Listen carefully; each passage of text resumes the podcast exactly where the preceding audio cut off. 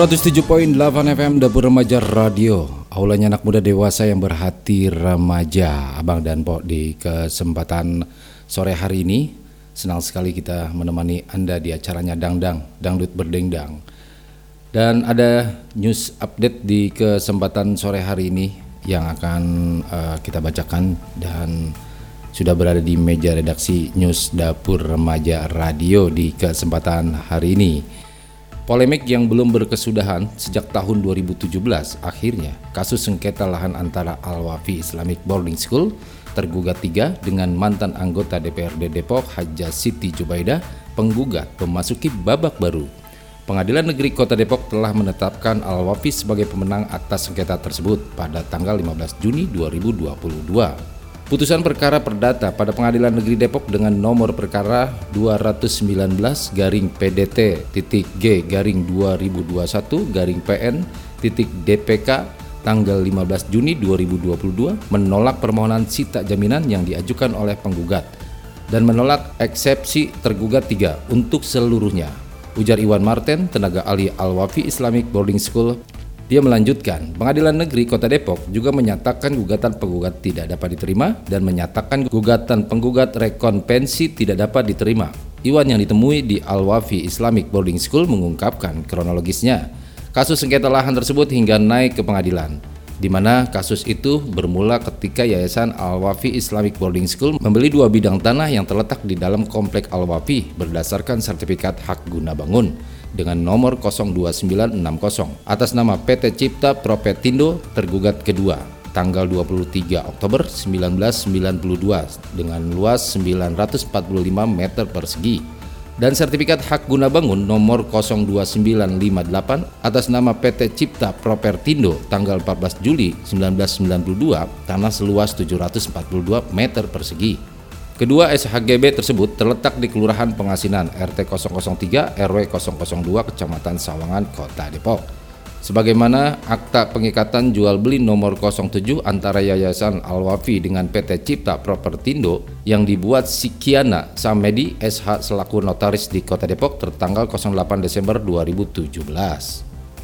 Iwan melanjutkan, Haja Siti Jubaidah memiliki sertifikat hak milik nomor 02356 tahun 2014 dengan luas 2.932 meter persegi. Dari hasil pembelian Siti Jubaidah kepada TB Acep Sepudin tergugat satu bahwa penggugat konvensi mengklaim tanah seluas 945 meter persegi terletak di Kelurahan Pengasinan RT 003 RW 002 Kecamatan Sawangan Kota Depok dan tanah seluas 742 meter persegi yang terletak pada lokasi yang sama.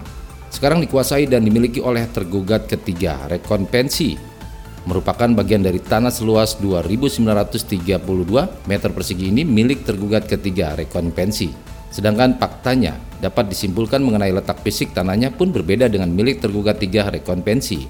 Hal tersebut, kata dia, secara terang terdapat pada SPPT PBB nomor objek pajak NOV 32.78.066.003.015 strip 1013.0 atas nama penggugat konvensi berada di blok 15. Sedangkan milik tergugat 3 rekonvensi berdasarkan SPPT PBB NOP 32.003.014.1013.0 atas nama tergugat 3 rekonvensi berada di blok 14 bahwa keterangan penggugat konvensi yang terdapat di dalam repliknya halaman 25 menyatakan pada intinya perolehan sertifikat hak milik nomor 02356 tanggal 20 Januari 2014 atas nama Haja Siti Jubaida penggugat berdasarkan jual beli antara tergugat berdasarkan jual beli antara tergugat satu konvensi dengan penggugat konvensi yang dituangkan dalam akta jual beli tanggal 20 Juli 2004 nomor 1135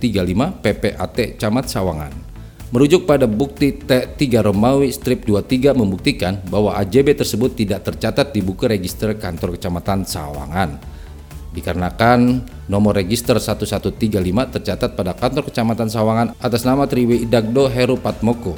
Lebih lanjut ia mengatakan bahwa perkara perdata menyangkut hak-hak keperdataan seseorang atau pribadi. Hal ini mengakibatkan tugas dan peran hakim dalam perkara perdata bersifat pasif. Dalam hal ini, Hakim dalam perkara perdata hanya sebatas menerima dan memeriksa sepanjang mengenai hal-hal yang diajukan oleh para pihak penggugat dan tergugat.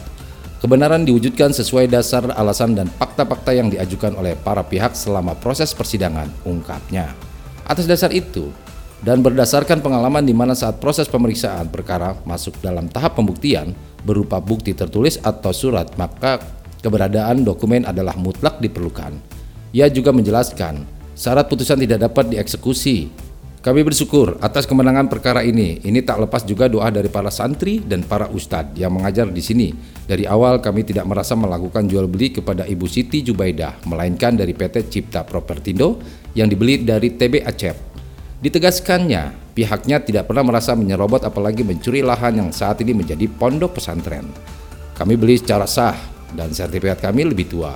Selain itu, kami melakukan studi lapangan terlebih dahulu sebelum membeli lahan. Dari awal beli pada tahun 2017 tidak ada gugatan. Gugatan baru muncul pada 2018. Sekali lagi kami bersyukur kepada Allah Subhanahu wa taala atas selesainya perkara ini. Pungkasnya. Demikian news update di kesempatan sore hari ini di acaranya Dangdang Dangdut Berdengdang.